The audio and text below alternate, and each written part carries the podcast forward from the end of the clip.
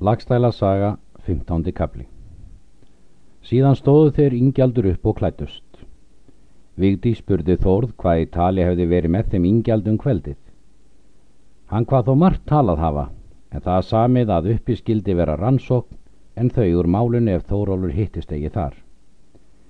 Leti nú áskauð trælminn fylgja manninum á brott. Vigdísi hvaðst ekki verum lígi, hvað sér og leitt verað ingjaldur snakað um hús hennar en bað hann þó þessu ráða. Síðan rannsakaði ingjaldur þar og hitti eigi þar mannin.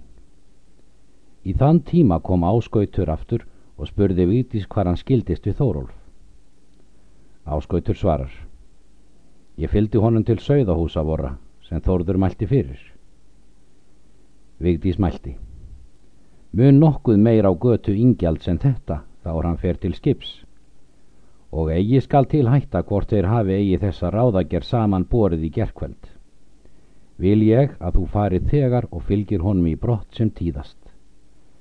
Skaltu fylgi honum til sögðafells á fund Tóróls. Með því að þú gerir svo sem ég býð þér, skaltu nokkuð eftir taka. Frelsi mun ég þér gefa og fjöð það að þú sért fær hvert er þú vilt. Áskautur hjáttaði því og fór til sögðahúsins og hitti þar Þórólf. Hann bað þá fara á brott sem tíðast. Í þennan tíma rýður ingjaldur af gott ástöðum því að hann ætlaði að heimta þá verð fyrir silfrið. Og er hann var komin ofan frá bænum þá sjá þeir tvo menn fari í móti sér og var þar áskautur og Þórólfur. Þetta var snemmu morgun svo að lít var líst af degi. Þeir áskautur og þórólur voru komnir í svo mikinn klofa að ingjaldur var á aðra hönd en lagsá á aðra hönd. Áinn var ákaflega mikil. Voru höfuð ísar að báðu megin en gengin upp eftir miðju og var áinn all íll að sækja. Þórólfur mælti við áskaut. Nú þykir mér sem við munum eiga tvo kosti fyrir höndum. Sá er kostur annar að býða þeirra hér við ána og verjast eftir því sem okkur endist hristi til og drengskapur, en þó er þess meiri vona þegar ingjaldur sæki líf okkart skjort. Sá er annar kostur að ráða til árunar og mun það þykja þó enn með nokkuri hættu. Áskautur býður hann ráða. Hvaðs nú ekki munu við hann skiljast, hvert ráð sem þú vilt upptaka hér um? Þórólur svarar. Til árinar munu við leita. Og svo gera þeir búa sig sem léttlegast, eftir það ganga þeir ofan fyrir höfuðísin og leggjast til sunds. Og með því að menn voru hraustir og þeim var lengra lífsauðið, þá komast þeir yfir ána og upp á höfuðísin, öðru megin. Það er mjög jafn skjótt er þeir eru komnir yfir ána að ingjaldur kemur að öðru megin að áni og förunættar hans.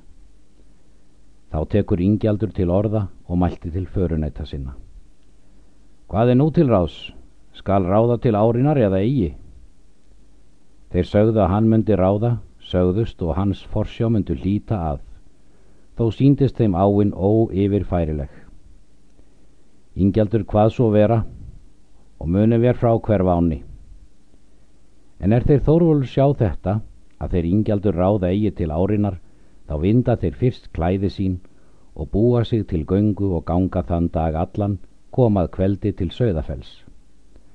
Þar var vel við þeim tekið því að þar var allra manna gisting.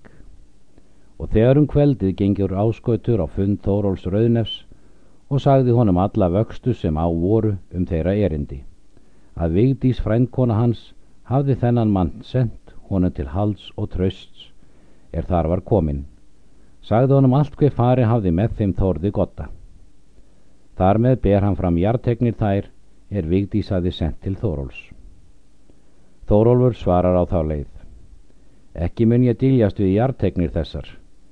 Mun ég að vísu taka við þessu manni að orðsending hennar. Þykir mér Vigdísi þetta mál drengilega hafa farið. Er það mikill harmur er þvílig kona skal hafa svo óskörulegt gjafvörð. Skaltu áskautur dveljast hér þvílíka hríð sem þér líkar. Áskautur hvaðst ekki lengi þar myndu dveljast. Þórólur tekur nú við nafna sínum og gerist hann hans fyldar maður en þeir áskautur skiljast góðir vinir og fer áskautur heimleiðis. Nú er að segja frá ingjaldi að hann snýr heim á gottastadi, þá er þeir Þórólur höfðu skilist. Þar voru þá komnir menn af næstu bæjum að orðsending vigdísar. Voru þar eigi færi karlar fyrir en tuttugu. En er þeir ingjaldur koma á bæin þá kallar hann Þórð til sín og mælti við hann. Ódrengilega hefur þér farið til vor Þórður, segir hann, því að við höfum það fyrir satt að þú hafið manninum á brott skotið.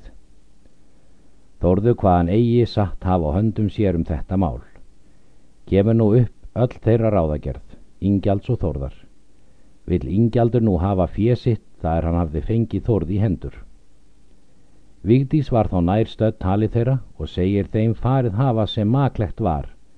Beður þórð ekki halda á fér þessu, því að þú þórður, segir hún, hefur þessa fjár ódrengilega aflað. Þórður hvað hana þessu ráðamöndu vilja. Eftir þetta gengur Vigdís inn og til erkur þeirrar er Þórður átti og finnur þar í niðri digran fjesjóð.